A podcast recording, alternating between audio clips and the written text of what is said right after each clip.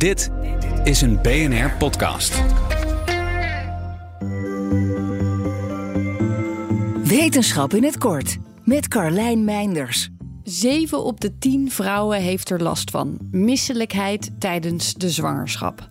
Bij sommige vrouwen is het zelfs zo erg dat ze opgenomen moeten worden in het ziekenhuis. Onderzoekers van onder andere de Universiteit van Cambridge zijn er nu achter waardoor die misselijkheid ontstaat.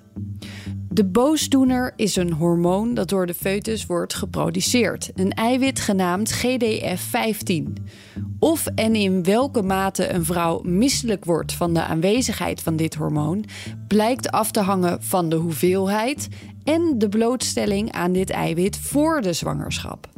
En dat creëert ook meteen een ingang voor een nieuwe behandeling. Want ondanks dat er al wel behandelingen bestaan, werken deze nog niet goed genoeg. GDF-15 wordt ook buiten de zwangerschap dus in het lichaam aangemaakt.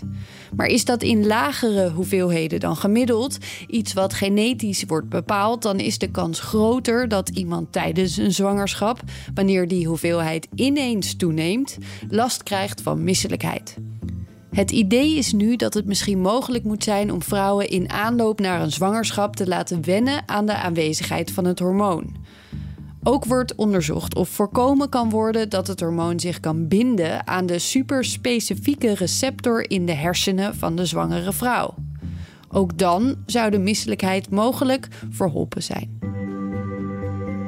Wil je elke dag een wetenschapsnieuwtje? Abonneer je dan op Wetenschap vandaag. Luister Wetenschap vandaag terug in al je favoriete podcast-apps.